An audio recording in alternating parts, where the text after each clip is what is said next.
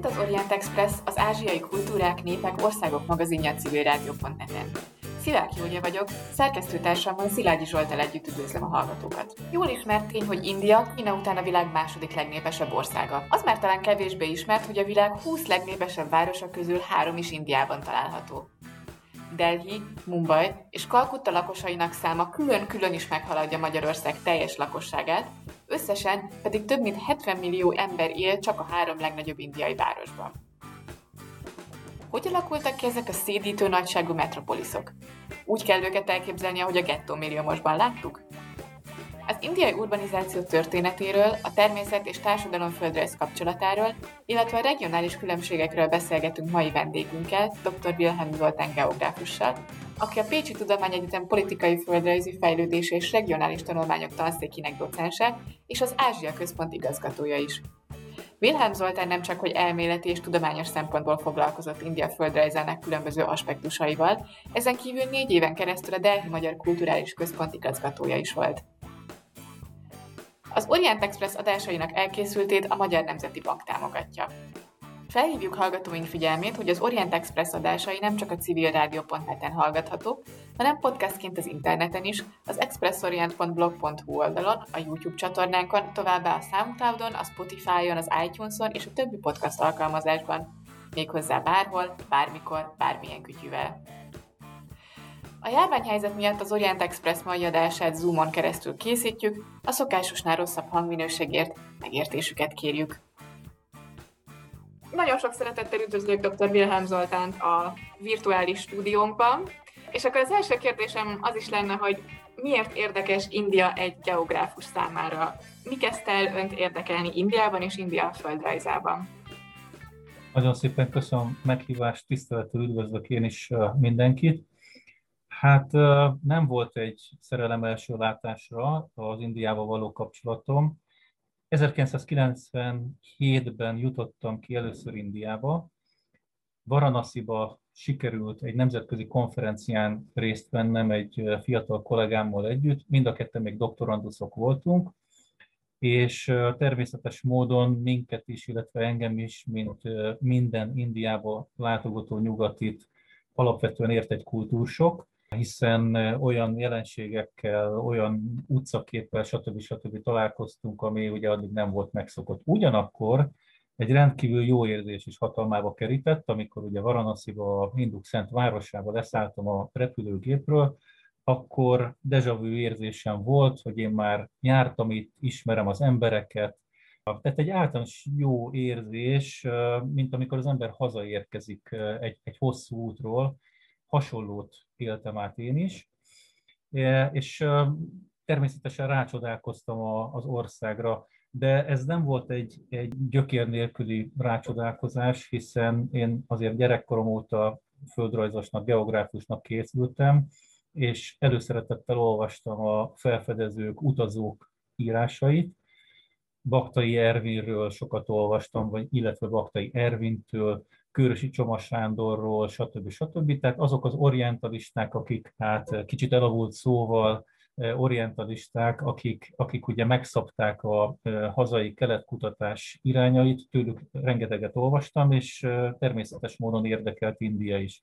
De amikor testközelből érzékeltem ezt az országot, láttam, éltem ott, akkor, akkor ez egy új dimenziót nyitott előttem, Természetesen jóval intenzívebben elkezdtem foglalkozni az országgal, mint hogy útleírásokat olvastam volna továbbra is.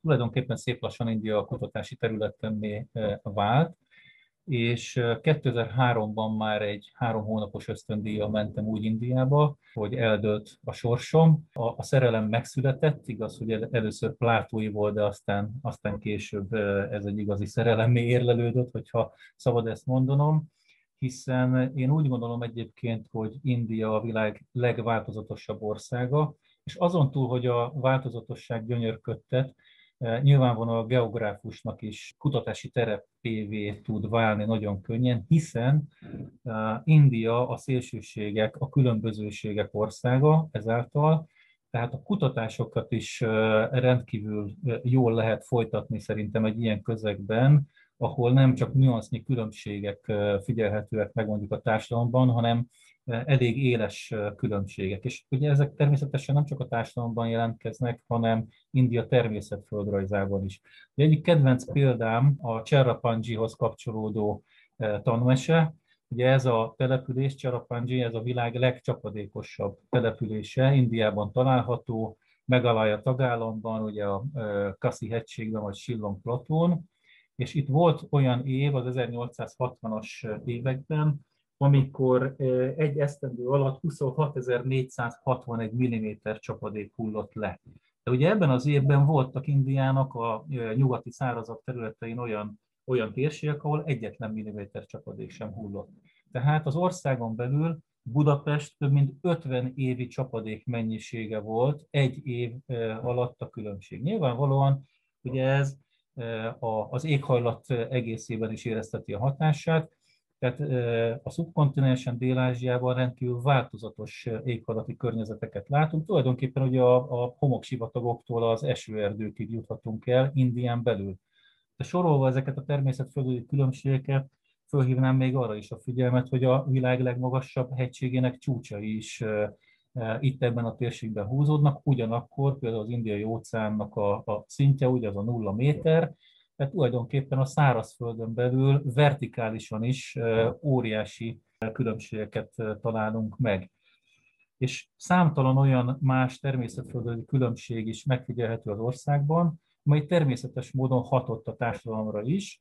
Hát az egyik legkézenfekvőbb különbség például az indiai konyha. Tehát, hogyha valaki mondjuk a panjabi konyhát tanulmányozza, akkor egészen más alapanyagokat fog találni, mint mondjuk a keralai konyha esetében, hiszen az a földrajzi környezet, amelyben a panjabi társadalom működik, illetve a keralai társadalom működik, az teljesen különböző, gyökeresen eltér egymástól. Nyilvánvalóan ez a gasztronómiában is nagyon szépen tetten érhető de a természetföldrajzi példákon kívül számtalan társadalomföldrajzi példát is fel tudnék sorolni.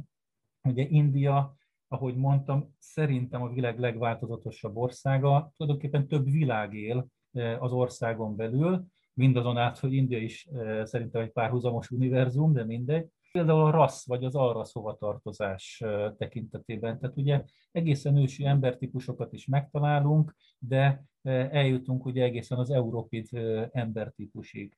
Ugye ezek a, ezek a rassz hovatartozásbeli különbségek természetes módon az etnikai összetételben, a nyelvekben is éreztetik a hatásukat. Ugye Indiának van 22 hivatalos nyelve, de egyébként 42 nyelv, ami több mint egy millió anyanyelvi szintű beszélővel rendelkezik Indiában. Tehát óriási különbségeket szül nyilvánvalóan.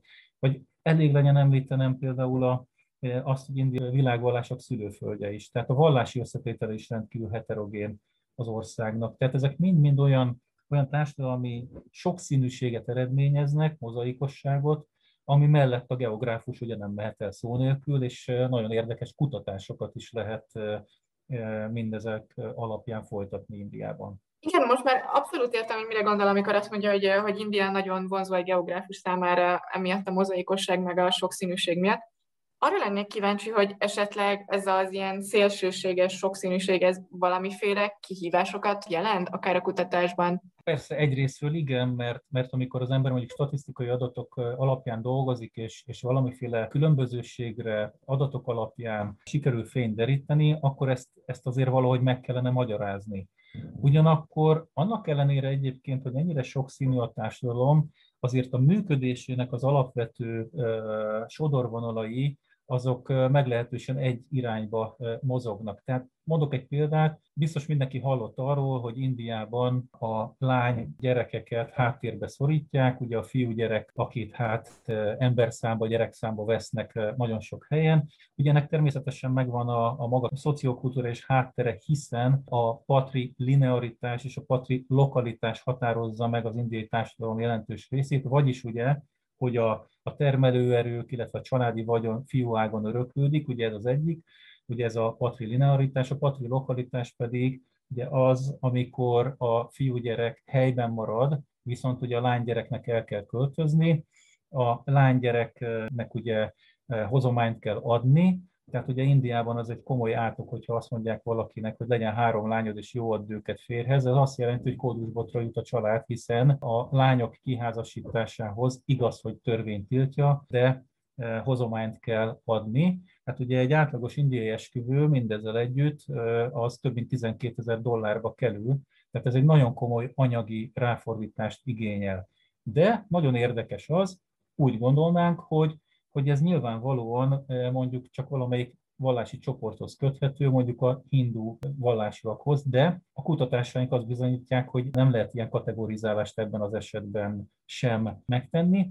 Ez az indiai társadalom egészére vonatkozik ez a, ez a jelenség. Igen, ez egy olyan téma, ami egyébként engem is nagyon érdekel, hogy Indiának valahogy van egyfajta ilyen uniformizáló hatása, mint például, hogy um, ha az ember belegondol, akkor uh, muszlim közösségében máshol nem jellemző a kaszt, Indiában pedig azért, azért mégiscsak, mégiscsak uh, valahogyan ott van ez. Így van, tehát minden, minden később érkező, minden hódító uh, csoport is, vagy, vagy később létrejövő vallási közösség is kasztosodott, ugye ezt lehet mondani. A muszlimok is abszolút, hát nyilvánvalóan nem kasztoknak hívják, egyébként Other Backward Classes, OBC-nek hívják ugye azokat a muszlim csoportokat, akik kasztszerűen viselkednek, de gondoljunk a szikekre, ők is tulajdonképpen kasztosodtak, tehát minden, minden társadalmi közegben jellemző ez a, a hierarchia, amit, amit akár egyszerűsítve nevezhetünk kasztoknak is. A beszélgetés elején említette, hogy ön, mikor elkezdett foglalkozni kelettel, akkor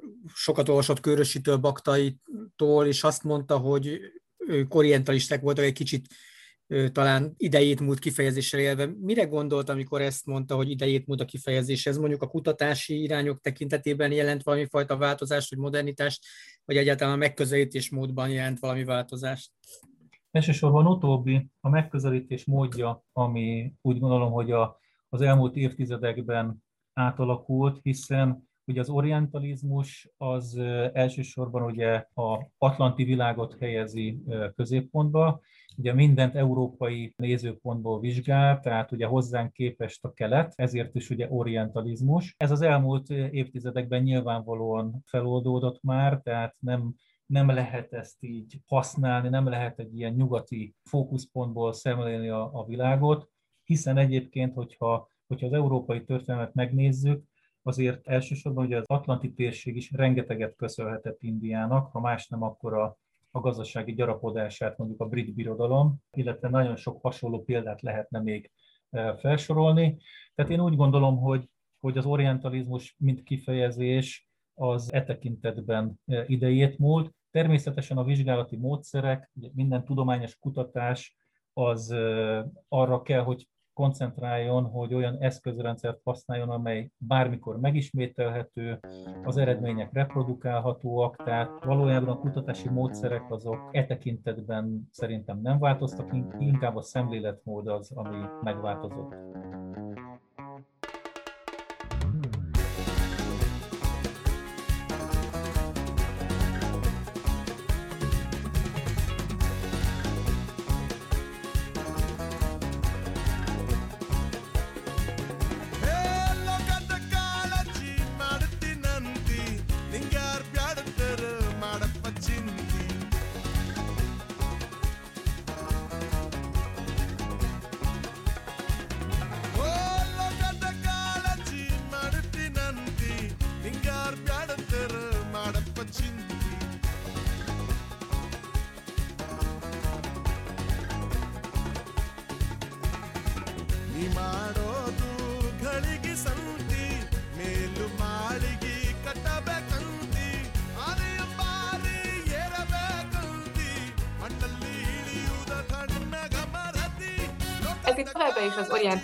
Civilrádió.net-en. Mai vendégünk dr. Wilhelm Zoltán geográfus, akivel India földrajzáról és most ebben a blogban India regionális földrajzáról beszélgetünk. Az előző blogban már egy kicsit beszélgettünk arról, hogy milyen nagy regionális különbségek és földrajzi különbségek vannak India különböző régiói között. Milyen nagy régiókat különböztetünk meg Indiában, és mik a különbségek ezek között? Ugye alapvetően két nagy régióra lehet osztani Indiát, illetve e, gyakorlatilag ugye a szubkontinenst, hiszen A északi területeken ugye indoárja dominanciát találunk, ugye, ami a nyelvben fejeződik ki elsősorban, hogy a déli területeken pedig a dravida nyelvű népek élnek, akik egyébként véleményem szerint az indusvölgyi civilizáció vagy harappa kultúrának is az építő művészei voltak, legalábbis nagyon sok tudományos publikációban ezt lehet olvasni, amit én hajlamos vagyok elfogadni, hiszen én magam nem vagyok történész és régész, tehát nyilvánvalóan e tekintetben mások írásaira kell, hogy hagyatkozzak. Tehát alapvetően ez a két nagy régió található meg Indiában. Amivel én foglalkoztam, és a regionális különbségeket igyekeztem kutatni, illetve, illetve kézzelfoghatóvá tenni, az az úgynevezett Sentient Indexnek a, az alkalmazása. Ez egy komplex mutató, amely a különböző területek egymáshoz viszonyított fejlettségét hivatott mérni. Például ugye ebben a mutatóban társadalmi, gazdasági, infrastruktúrális és természeti mutatókat igyekeztem adatokat levonni, és ugye ebből fejlettségi sorrendeket generálni. Ugye nagyon szembetűnő az, hogy Indiában is ugyanúgy, mint Európában, illetve a világ több részén kimutatható észak-dél dihotómia, illetve nyugat-kelet dihotómia, különbözőség, csak éppen Indiában fordítva, legalábbis ami az észak-dél dihotómiát illeti, tehát ez alapján, a, a mutató alapján sikerült azt kimutatni, hogy Dél-Indiában több a fejlett körzet, mint Észak-Indiában. Tehát Indiának az északi területei relatíve fejletlenebbek, mint a déli területek, illetve India nyugati részei fejlettebbek, mint a keleti területek. Most mindenki maga elé képzel egy India térképet, akkor képzelje, képzelje oda ezt a, ezt a félszigetet, és a félszigetnek a, a nyugati területein húzzon egy vonalat, ez hasonlítani fog egyébként egy íjra, vagy tegyen rá egy nyílvesszőt, és feszítse meg ezt az íjat. Tehát nagyjából az indiai fejlettségi viszonyokat is így lehet leírni, amely elsősorban ugye az urbanizációs terekhez kötődik egyébként. Világos az, hogy az urbanizáltabb terek, azok fejlettebbek Indiában. És India urbanizációs vonalai azok egy felajzott íjhoz hasonlítanak, hogyha ugye ezt térképre visszük. Én egyébként az indiai körzeteket vettem alapul, amikor ezeket a vizsgálatokat folytattam. Ugye a 2011-es népszámlálás idején 640 körzete volt Indiának. Úgy gondolom, hogy tagállami szinten teljesen értelmetlen ezeket a regionális különbségeket egyébként vizsgálni, hiszen Indiának olyan tagállamai vannak, mint például Uttar Pradesh, amely egyébként, hogyha lakosságát, lakosság számát nézzük, a világ legnagyobb szubnacionális egysége, vagyis ugye az állami szint alatti közigazgatási egységeket vizsgálva, hogy több mint 200 milliós lakosság számmal rendelkezik. Ha Uttar Pradesh önálló ország lenne egyébként, akkor a világ 5.-6. legnépesebb országa lenne. Tehát teljesen értelmetlen és a, és a lényeget elfedő statisztikai adatokat, illetve, illetve eredményeket fogunk kapni, hogyha ezeket a hatalmas földrajzi egységeket vizsgáljuk. Ezért egy szinten lejjebb kell mennünk, és hogyha ezt megtesszük, akkor az általam az előbb már vázolt képet tudjuk felrajzolni, tehát nyugat fejlettebb, dél fejlettebb, és Indiának sajnos vannak szinte kompakt, hátrányos helyzetű térségei, elsősorban Uttar Pradesh tagállamnak a keleti részei, Bihar tagállam, vagy például Nyugat-Bengál tagállamnak az észak-északnyugati területei, Orissa vagy Odissa tagállam is szinte teljes egészében a, a legfejletlenebb területek közé tartozik. Alapvetően én ebből a szempontból tennék regionális különbségeket Indiában, Természetesen ugyanezeket a különbségeket lehetne nyelvi alapon, vallási alapon, települési alapon hozni, de én elsősorban a, a fejlettségbeli különbségekre voltam kíváncsi, amikor a regionális vizsgálataimat végeztem, illetve végzem Indiában. A geográfus szemével vizsgálva ezeket a különbségeket, elsősorban mik azok, amiket ezek meghatároznak? Kulturális értelemben vett különbségek, gazdasági értelemben vett különbségek, a, a földrajzi ö, környezet által ö, hát predestinált különbségekről beszélhetünk.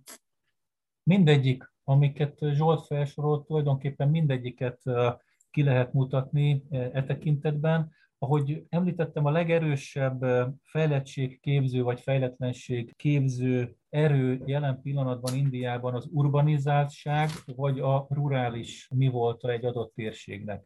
De ugye a kulturális elemek nagyon sokat számítanak, hiszen azt találtam, hogy ha ránézünk ugye a legfejlettebb körzetekre, akkor akkor rendkívül fontos például az írni, olvasni tudóknak az aránya. Ugye vannak Indiának a hátrányos helyzetű területein olyan, olyan részek, ahol 20-30 százalékos mindössze ez a, ez a mutató, de ugye a legfejlettebb területeken ez jóval 90 százalék fölött van. Vagy például a férfi és a női írni-olvasni tudásban meglévő szakadék, különbség is egy nagyon fontos mutató az én, az én rendszeremben. És e tekintetben egyébként a délindiai körzetek, valamint a keresztény többségű északkereti körzetek emelkednek ki. Gazdasági értelemben pedig a nyugati területek azok, elsősorban Gujarat, illetve Maharastrának a, a nyugati eh, tengerparti eh, vidékei, valamint ugye Delhi környéki eh, területek azok, amelyek gazdasági mutatói tekintve kiemelkednek a többi körzettel szemben, de ugye e tekintetben ki kell még emelnünk dél-indiai dravida tagállamok közül elsősorban ugye a Bengaluru környéki területeket, amelyek a számítógépipar, szoftvergyártás, általában az IT technológia kiemelkedő részarányát mutatják. Hogyha jól tudom, akkor a fejlettséggel kapcsolatban még egy másik tagállamot is szoktak emlegetni, Keralát, ahol viszont gyakran mondják azt, hogy az államnak a politikai berendezkedése és a politika története miatt is, is van ez. Erről tudna nekünk mesélni egy kicsit? Így van, Kerala is rendkívül érdekes terület. Ugye a Nobel-díjas közgazdász Amartya Sen is nagyon sokszor hozza egyébként példaként. Ez egy picit szerintem összetettebb kérdés, hiszen Kerala elsősorban ugye a Malabár part vidékére terjed ki, és a Malabár part volt az az ősi, már a történelmi idők kezdetétől fogva Indiának az a régiója, amely a világ többi részével kapcsolatba állt. Tehát egy egy kommunikációs hub, egy, egy kommunikációs középpont, csomópontja volt Dél-Ázsiának. Elég említeni itt a római pénzeket, a római birodalommal való kereskedést, később ugye az arab kereskedők megjelenését, ugye a 600-as években már ugye mecset épül Keralában, ugye Muziris környékén, tehát nagyon komoly története van Keralának a, a világ többi részével való kommunikációban, hogyha szabad így fogalmazni, de amit egyébként Júlia eh, említ, az eh, szintén egy valós eleme ennek a fejlettségnek. Ugye a 50-es években a világon egyedülálló módon szabadon választott kommunista kormány eh, alakult meg Keralában. Hát ez volt a világon az első olyan szabadon választott kommunista kormány, amely egyébként komolyan vette a küldetését, és elsősorban az oktatásban és az egészségügyben igen, igen jelentős máigható reformokat vezetett be, és sokak szerint ez is segítette Kerolát azon az úton, hogy például azt mondhatjuk, hogy a világ humán erőforrás fejlettségének az egyik centrumtérsége. Hát elég azt megjegyeznünk, hogy például a férfiak körében az írni-olvasni tudás magasabb, mint az Európai Uniós Máltán vagy, vagy Horvátországban. Tehát nagyon, nagyon komoly humán erőforrás tartalékai vannak ennek a tagállamnak, és egyébként Kerala hát ilyen humán erőforrás exportőrként is jelen van, hiszen nagyon sok olyan ember dolgozik szerte a világon, akik, akik ugye a szürkállományukkal keresik a kenyerüket, és Keralából származnak. Tehát Indián belül is egyébként nagyon sok a keralai értelmiségi, akik egyébként nagyon érdekes, hogy amikor ugye elkezdik ezt a típusú karrierjüket, akkor nem elsősorban angolul kell, hogy tanuljanak, hanem hindiül. Tehát ugye a, a dél-indiai dravida tagállamok területén, míg ugye északon elsősorban angol nyelviskola hirdetéseket látunk, Dél-Indiában elsősorban hindi nyelviskola hirdetéseket, hiszen ahhoz, hogy valaki az állam, India állam adminisztratív központjában Delhiben érvényesüljön, természetesen kell tudnia hindiül, hiszen Delhi a, a hindi övnek az egyik legfontosabb központja. Akkor ejtsünk egy pár szót a fejlettségi spektrumnak a túloldalán található Uttar is. Mi az oka annak, hogy Uttar Pradesh ennyire elmaradott? Igen, alapvetően abszolút a, a szubkontinens belsejébe fekszik, tehát a, a külső impulzusoktól meglehetősen elzárt volt. Másrészt Uttar Pradesh alapvetően egy rurális tagállam, tehát nagyon, nagyon kevés olyan város találunk a területén, amelyek a mai globális nagyvárosi hálózathoz, és ezáltal ugye a globális világgazdasághoz kapcsolódni tudnának, és így a globális világgazdaság vérkeringésével benne lennének. Ez egyik. A másik, amit, amit talán érdemes kiemelni, az az, hogy, hogy Uttar Pradesh az a konzervativizmusnak egyik az egyik fellegvára, és itt most nem a jó értelemben vett az identitásához ragaszkodó konzervativizmust, hanem a minden külső impulzust kizárni akaró konzervativizmusnak a fellegváraként tekinthetünk rá. Hát ugye úgy is szerepel Uttar Pradesh, mint a, mint a hindu kultúrának a, a magterülete, ami egyébként elsősorban, hogy az indoáriákig megyünk vissza, a, akkor ugye a rurális térségeket jelenti, hiszen a konzervatív hindu kultúrának, az ortodox hindu kultúrának az igazi tere az a vidék. Amikor ugye például Észak-Indiában megjelennek a heterodox vallási irányzatok, mint például a buddhizmus, jainizmus, stb. stb., ezek ugye elsősorban városi vallási reformmozgalmak voltak, amelyek ugye városi közegben terjedtek. Ezek az ortodox területi magvak, ezek igyekeztek ellenállni ezeknek a, ezeknek a reformmozgalmaknak, és tulajdonképpen a mai napig ezt meglehetősen sikeresen teszik. Úgyhogy véleményem szerint részben ennek is köszönhető Uttar hátrányos helyzete, hogy igyekezett mindig ezeket a kívülről jövő, ha úgy tetszik, innovációs hullámokat, hatásokat kívülre kezdeni, és megmaradni annak az ősi rurális civilizációnak, mint mondjuk az árja bevándorlás idején volt.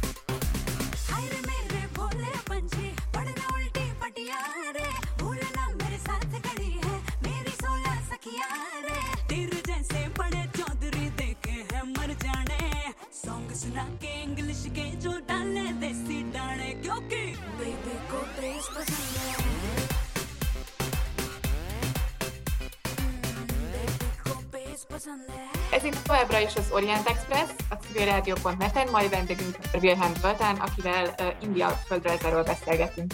Mert többször szóba került az előző blokkokban az indiai urbanizáció és az indiai nagyvárosoknak a fontos szerepe.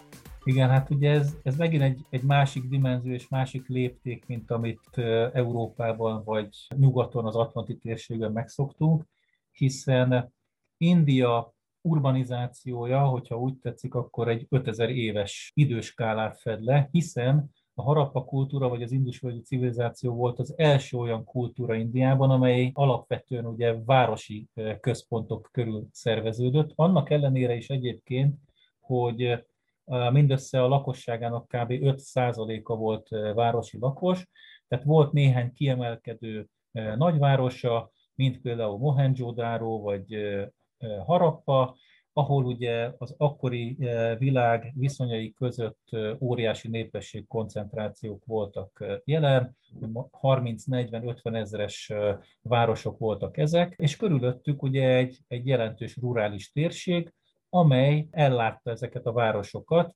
a általa megtermelt mezőgazdasági terményfelesleggel, és ugye ezek a városok voltak azok, amelyek szervezték tulajdonképpen ennek a társadalomnak a működését.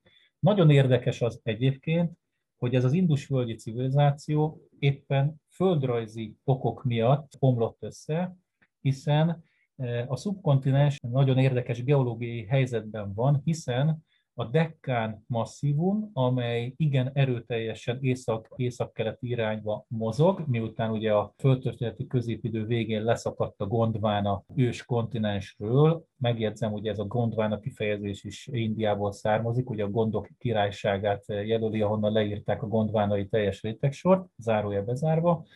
Tehát ugye ez a, ez a kőzetlemez észak felé nyomulva az eurázsiai lemez alá tolódik, ahol kialakul ugye dupla kontinentális kéreglemez, és ez tartja rendkívül magasan a Himaláját. Hogyha ránézünk a térképre, látjuk, hogy sehol máshol a világon nincsenek 8000 méter feletti hegycsúcsok, csak itt.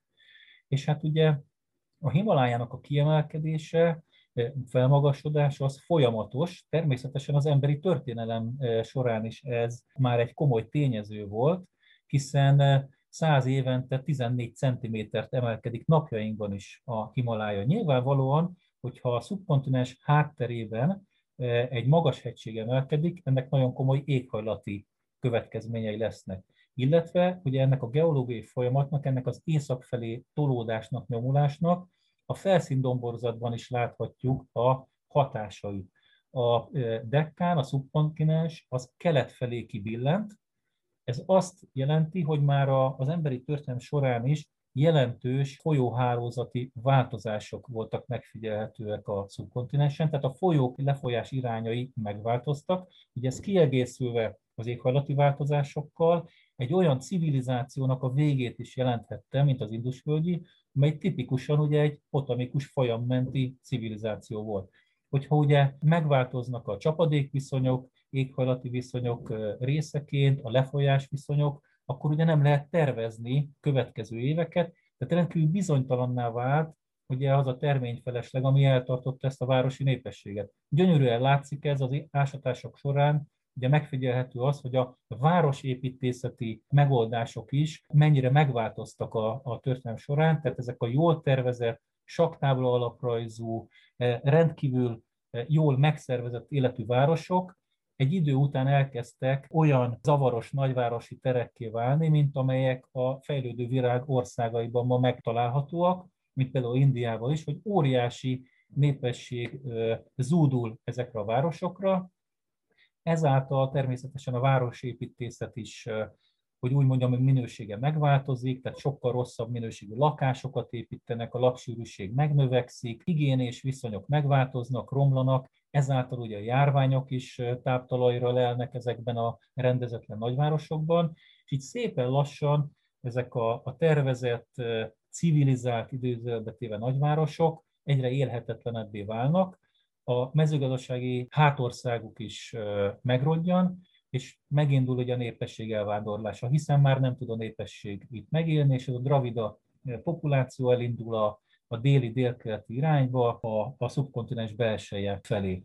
Nagyjából ugye ezzel le is zárul az indiai urbanizációnak az első fázisa, de ne felejtsük el, hogy érkeznek az árják is, akik ugye nomád, félnomád, elsősorban nagy állattartást folytató népek, tehát akkor lesz egy hiátus ugye itt az indiai urbanizációban, hogy majd, amikor a kulturális fúzió szinte lezárul, tehát összeolvad a dravida és a indoária e, civilizáció, ismét virágzó nagyvárosoknak ad teret. Ugye Észak-Indiában kialakulnak a nagy birodalmak, ugye a Morja birodalom, Dél-Indiában a tamil területeken épülnek hatalmas és jelentős városok, ugye emeljük ki Madurait például ebben a tekintetben, ugye északon olyan olyan városok születnek, mint Varanasi, vagy Pataliputra, mai Patna. Tehát tulajdonképpen a mai indiai nagyvárosi textúrában olyan ősi elemek is vannak, amelyek Krisztus születése előtt jöttek létre. Ugye mondják azt, hogy Varanasi a világ legrégebbi városai közé tartozik, például folyamatosan lakott eh, városai közé eh, tartozik. Majd ennek a folyamatnak a kicsúcsosodásaként a középkori Indiában a mogul eh, építészettel és a, a mogul muszlim eh, városépítészettel ugye egy új dinamikát kap ez az egész folyamat. Hát ugye, aki turistaként Indiába látogat, az elsősorban ezeket a műemlékeket fogja látni az észak-indiai városokban. Tehát, hogyha elmegy Ágrába, a Taj Mahal, a Vöröserőd, Akbar mauzóleuma, vagy a Baby Taj, vagy Fatépur Szikri, ugye ez a mogul építészetnek a, az égkövei tulajdonképpen, de hát ugye nem is kell Agrába menni, ha az Indira Gandhi nemzetközi repülőtérre leszállva ki Delhiben, akkor ugye Delhiben is Shah Jahan által épített városrészbe fog először ellátogatni, a Vöröserődbe, ugye Ódelhiben, illetve más muszlim emlékeket is szemügyre tud venni. De ami a mai indiai urbanizációnak a legnagyobb, a legmodernebb lökést adta, hogyha úgy tetszik, az az európai város megjelenése Dél-Ázsiában. Ma az indiai megavárosok, tehát a 10 millió főnél népesebb indiai városok, azok ugye elsősorban európai nagyvárosok, gondolunk itt ugye Mumbai-ra, mint India legnépesebb városára. Ugye a legutóbbi népszámlálás idején 2011-ben ez egy több mint 17 milliós nagyváros volt, ma a becslések szerint már 20 millió fölé nőtt a népessége, vagyis két Magyarországnyi ember zsúfolódik Mumbaiba, vagy ott van Kolkata, amely szintén ugye brit alapítású, vagy ott van délen az egykori Madras, a mai Chennai, brit alapítású, de ugye Delhi is, amely ősi város egyébként, de ugye a Brit-India fővárosává válva új Delhi megépítésével került az indiai település hierarchia csúcsára.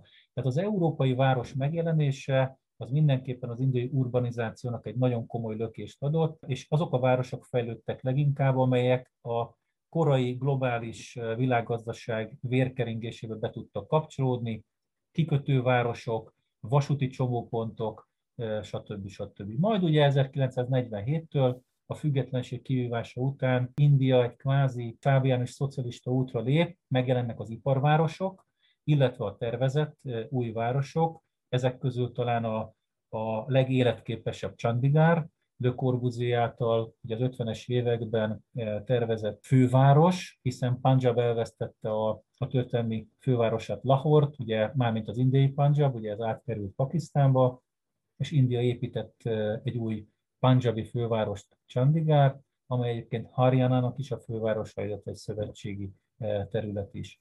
Tehát ezek azok a dinamizmusok, amelyek máighatóan meghatározzák az indiai urbanizáció képét.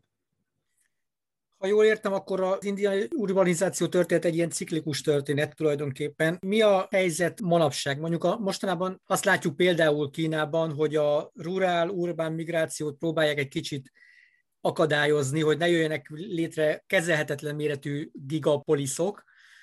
Ez hogy néz ki mostanában Indiában? Van arra való törekvés, hogy próbálják a folyamatosan városba települők létszámát csökkenteni? Van egyáltalán ilyenfajta mozgás manapság Indiában? Igen, hát a Indiában is természetesen voltak olyan időszakok, amikor a nagyvárosokba özönlő népességet igyekeztek korlátozni, kiszorítani ugye ezekből a nagyvárosokból. Egyébként ezek a, ezek a folyamatok, ezek az indiai történelem legsötétebb lapaira kívánkoznak, hiszen az úgynevezett városszépítési akciók, azok nagyon sokszor úgy zajlottak, hogy egyszerűen a nyomornegyedeket ledózerolták, és az ott lakókat fölpakolták teherautókra, és a városhatáron kívül célnak eresztették őket. Természetesen visszaszivárogtak ezek az emberek a nagyvárosba, hiszen nem véletlenül voltak ott. Ugye a a vidék és a város közötti pull és push faktorok voltak azok, amelyek eh, mozgatták, illetve mozgatják ma is ezeket a hatalmas tömegeket.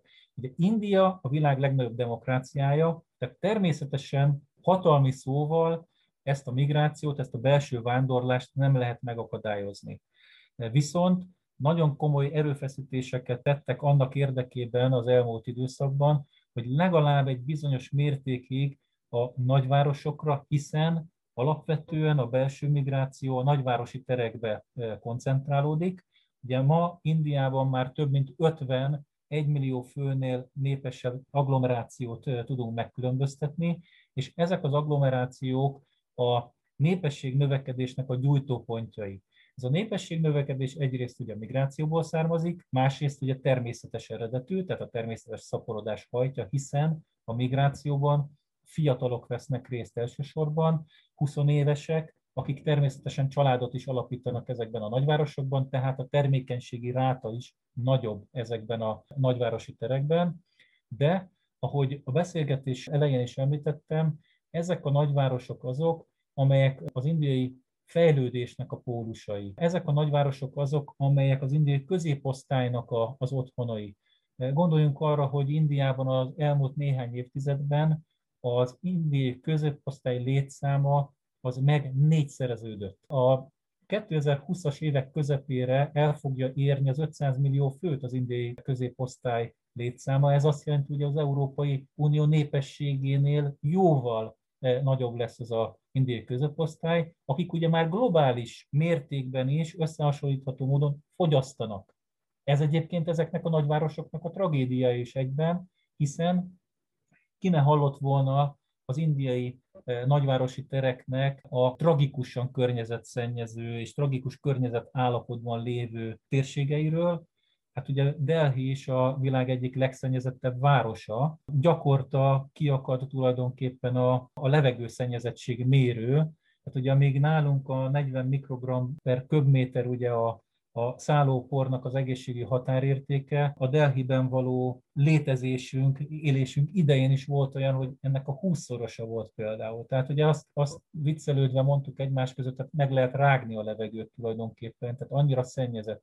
Ugye ez a a, a növekedésnek a hajszolása, a gazdasági növekedésnek a, a primátusa az, amely tulajdonképpen egyúttal szinte tönkre is teszi ezeket a tereket, hiszen ezek a nagyvárosok felélik önmagukat azáltal, hogy, hogy igaz, hogy a GDP tekintetében kiugróan e, teljesítenek, de egyébként az itt élő lakosság szenved, és ezek a, a városok az él, élhetőség határára kerültek ma már, hogyha valaki megnézi ugye a Jamunát, hát az olyan, mint egy szennyvíz csatorna, ugye Delhi folyóját.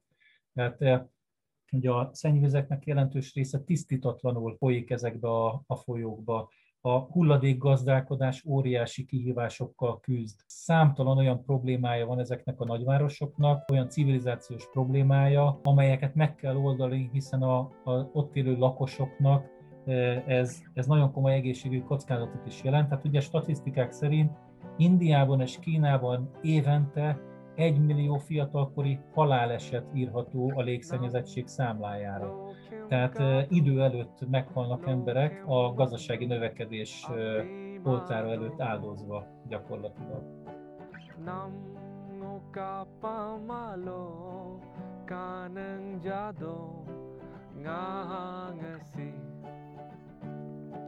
ngul somin soku doku ngulunam pamte 후구리 딸인 너도 말로 나항 짐이 자마도 딸이 남 아내 아밤 까땀 따나 남나두벌 시제 운이 아니 운이 아름구바 망라구주 domalo. Ngahang jimi jama do tari. Ez itt továbbra is az Orient Express a civil rádió.net-en, mai vendégünk dr. Wilhelm Zoltán geográfus, akivel India természet és társadalom földrajzáról beszélgetünk, és az előző blogban már elkezdtünk beszélgetni az indiai nagyvárosokról, azonban van egy pár kérdés, ami engem továbbra is nagyon foglalkoztat az indiai nagyvárosokkal kapcsolatban, úgyhogy most fel is teszem őket. Beszélgettünk erről, hogy az indiai nagyvárosoknak volt egy olyan időszaka, amikor az európai um, városok voltak nagyon nagy hatása rájuk. Aztán van ez a nagyon régi ilyen történelmi réteg az indusvölgyi civilizációnak a, a különböző mintázatai, azonban, ha az ember elmegy egy modern indiai nagyvárosba és körülnéz, akkor nincs az az érzése, hogy ez egy nagyon jól rendezett európai vagy ö, ősi indiai város szerkezet lenne, akkor mégis hogyan lehetne jellemezni az indiai városoknak a szerkezetét, vagy hogy lehet ezt megérteni? Ugye ez egyrészt a, a földrajzi környezettől is függ, ahol ezek létrejöttek, Mondjuk, hogyha Mumbai-t nézzük, amely több szigetre kiterjedően és a szigetek közötti tengeröblöknek a feltöltődésével keletkezett, illetve hozták létre, akkor nyilvánvalóan ez egy, ez egy sajátos település szerkezetet jelent. Hát ha valaki Mumbai-ban napjainkban gyorsan akar eljutni A-ból B-be, akkor, akkor ki kell menni a tenger fölé. Ugyanis a belvárost elkerülő autópálya szakaszt azt a tenger fölé építették ilyen beton pillérekre, az a leggyorsabb útja egyébként Mumbai-ban a mozgásnak. De ha egy másik nagyon fontos várost nézzük, Delhit, akkor szintén egy, egy unikális, egy nagyon egyedi városszerkezetet látunk, hiszen amíg mondjuk Európában a városaink, akár itt a Kárpát-medencében is általában ugye egymásra épültek, például, hogyha itt Pécset valaki elmegy a Széchenyi térre és elkezd ásni, azt ezt nem ajánlom, de, de mondjuk, hogyha régész az illető és hivatalos papírokkal a kezében teszi mindezt, akkor ugye szépen megtalálja azokat a kulturális rétegeket, amelyek a történelem során egymásra rakódtak idézőjelbe téve. Delhiben ilyen nincsen. Delhiben például egymás mellé épültek a városok. A mai Delhi területén nyolc különböző történelmi időszakból származó városmagot lehet megkülönböztetni. Tehát tulajdonképpen egy ilyen, egy ilyen multicentrális városszerkezet az, tehát van ugye a városközpont, és mindemellett még alközpontok találhatóak a város területén. Vagy hogyha Kolkatába elutazunk, vagy, vagy Csennájba, akkor is ugye a, a városmag, az európai, majd az európai városmag körül különböző körzeteket, építészetileg is akár eltérő körzeteket, negyedeket találunk egymás mellett, de nagyon érdekes az, hogy például a, ugyanúgy, mint mondjuk az Egyesült Államokban, a különböző etnikai, nyelvi csoportok, azok természetesen előnyben részesítenek bizonyos helyeket. Például, hogyha Delhiben meg akarjuk nézni a Durga Pudzsát, akkor tudjuk, hogy a, hogy a bengáliak által lakott városnegyedbe, CP-be kell mennünk, mert ugye nyilvánvalóan ők, ők előnyben részesítik azokat a lakó közösségeket, környezeteket, ahol ugye már a bengáliak amúgy is nagy számban vannak. De hogyha ugye finom édességeket akarunk enni, akkor is érdemes ugye a bengáli édességboltokat felkeresni. Úgyhogy ezek mind olyan, mind olyan szerkezeti elemei a nagyvárosoknak, amelyek a geográfust szintén csak lázba hozzák, de város morfológiai értelemben is India nagyvárosai elég sajátosak. Talán ismeretes az, hogy azért a 60-as, 70-es, 80-as években mondjuk Indiában az áramellátás az meglehetősen akadozó volt, ezáltal például toronyházakat nem volt érdemes építeni. Gondoljunk bele, hogy, hogy milyen sokan ben ragadtak volna a liftbe egy-egy ilyen áramszünet idején, Úgyhogy nagyon sokáig például az indiai nagyvárosokban nem épültek toronyházak, hiszen annyira bizonytalan volt ugye ezeknek az infrastruktúrához való kapcsolódása, hogy nem igazán épültek ilyenek. Napjainkban már igen, hiszen nagyon komoly, nagy teljesítményű generátorokkal vannak ezek felszerelve, tehát hogyha vannak is áramkimaradások, akkor pillanatok alatt bekapcsolnak ezek a generátorok, amelyek egyébként a légszennyezettséget tovább növelik, hiszen ezek dízelgenerátorok,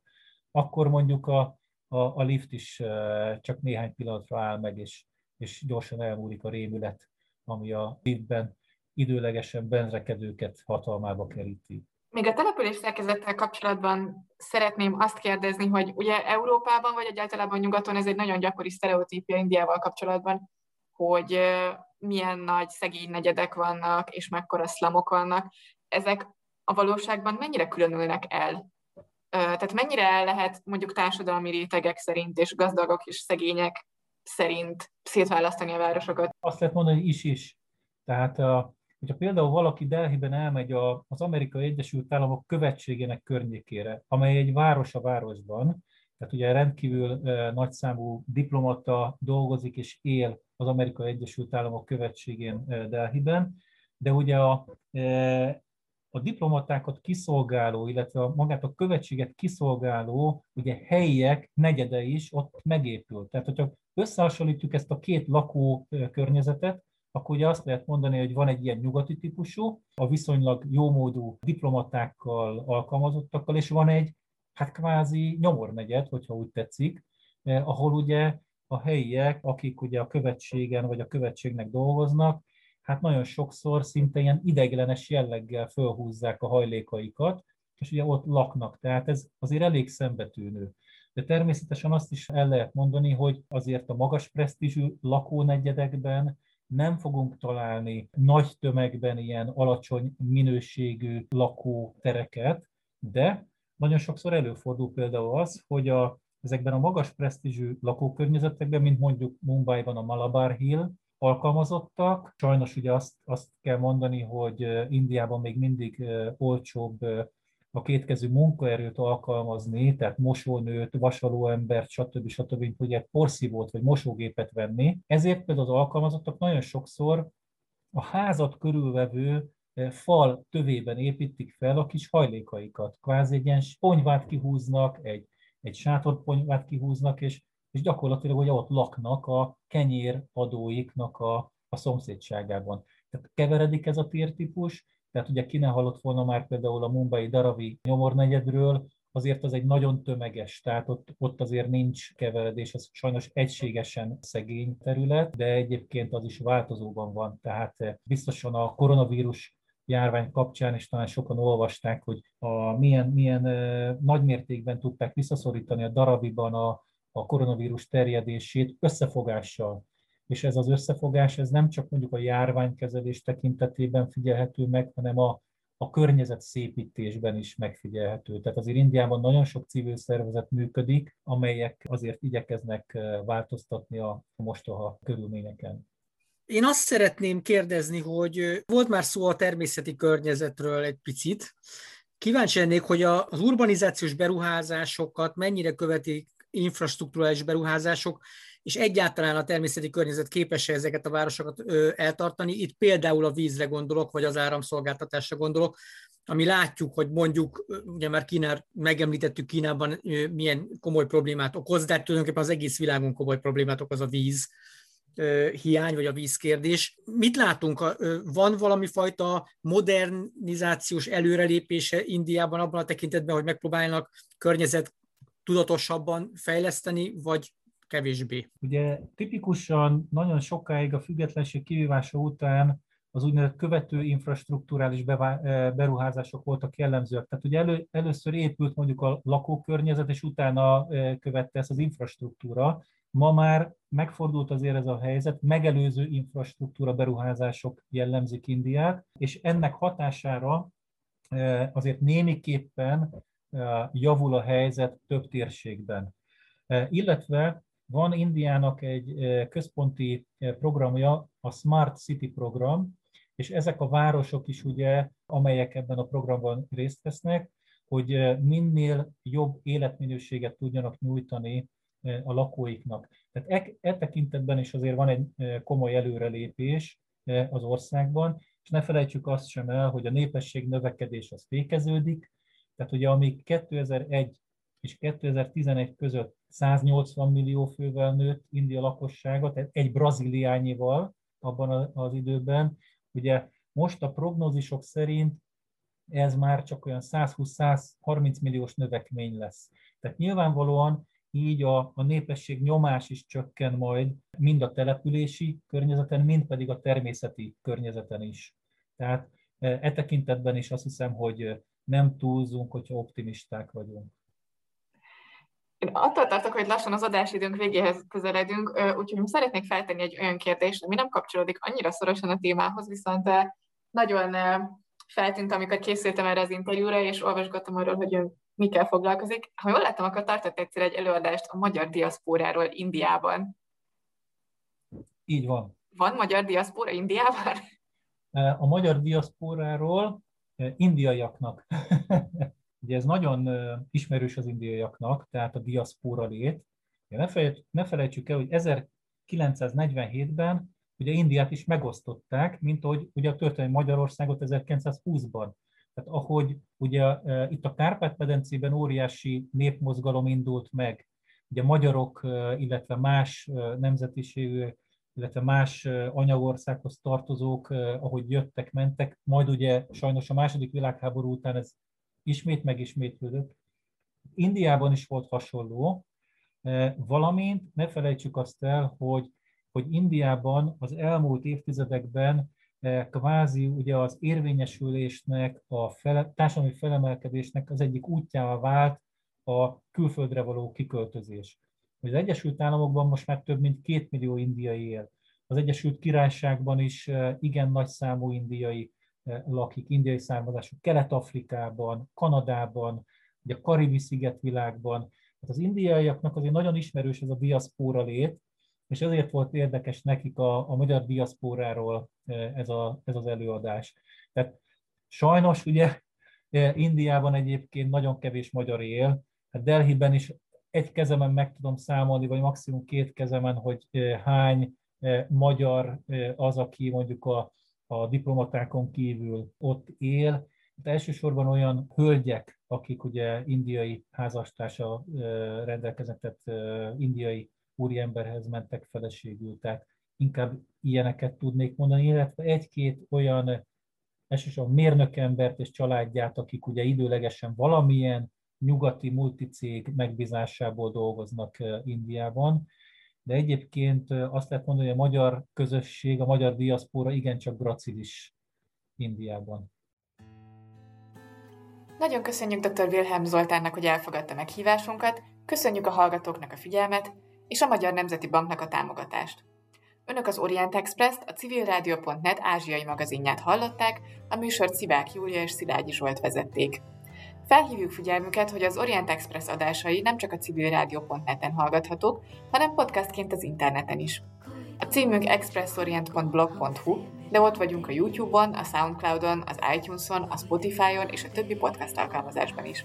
Facebookon pedig a Pázmány Péter Katolikus Egyetem Modern Kelet-Ázsia kutatócsoportjának oldalán lehet megtalálni az adásokat és készítőiket. A viszont hallásra tartsanak velünk a jövő héten is!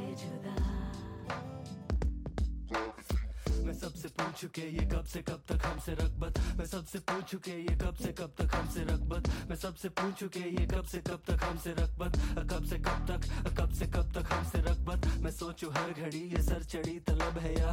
या इनकी बड़बड़ी पे दिल मेरा धड़क गया? ये बेसबर है आज, कहना चाहे तुझको कुछ। तू मुझसे खुश तो बांट लेना मेरा। हमसे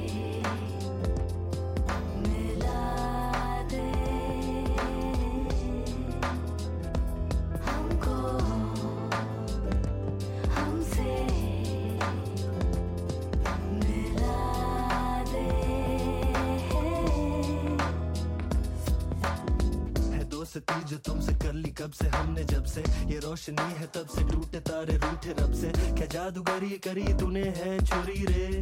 चोरी किया दिल, चोरी चोरी चोरी क्या सपने हमने भी सजा रखे हैं। खूबसूरत आशिकी है, हद से ज़्यादा इश्क में हूँ तेरे मूरत मिला दे हमको, हमसे गम को ढंग से महसूस करूँ। तेरे संग में मेरे सपने अपने महफूज रखूँ। मुझको चाहिए तेरे इश्क का नशा, और तुझको चाहिए मेरे दिल के टुकड़ों का मज़ाक देखो, मुकरो ना बता दो मुझको, हाल दिल तुम्हारा भी टुकड़ो ना। यू रिश्ते को तो जानो दिल सबसे पूछू के ये कब से कब तक हमसे रखबत मैं सबसे पूछू के ये कब से कब तक हमसे रखबत मैं सबसे पूछू के ये कब से कब तक हमसे रखबत कब से कब तक कब से कब तक हमसे रखबत ज़िंदगी जहर का प्याला पी लिया, पिया के नाम जी गए। तो दुनिया हारी गिर गए, गिरा के जाम मुश्किलों से मुश्किलों की मुश्किलें संभाली हैं। मुश्किलों की कजरी गा के कश्तियाँ सवारी हैं। हमने भी वफा की, हमने हमने भी दगा की है। हमने ही जुदाई जीती, हमने ही सदा की है। हमने तुझको पाके खोया, हमने तुझको खो के पाया हमने तेरे वास्ते, ये लिख दी है कवाली के। नज़रों के ये ताले घेरे, इनमें ही संभालू ना।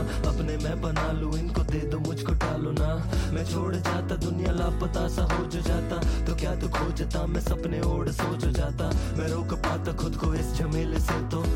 कहता ना यू तुझको कह तू मुझको अब अकेले छोड़। मैं सबसे पूछ के ये कब से कब तक हमसे रख मैं सबसे पूछ के ये कब से कब तक हमसे रख कब से कब तक कब से कब तक हमसे रख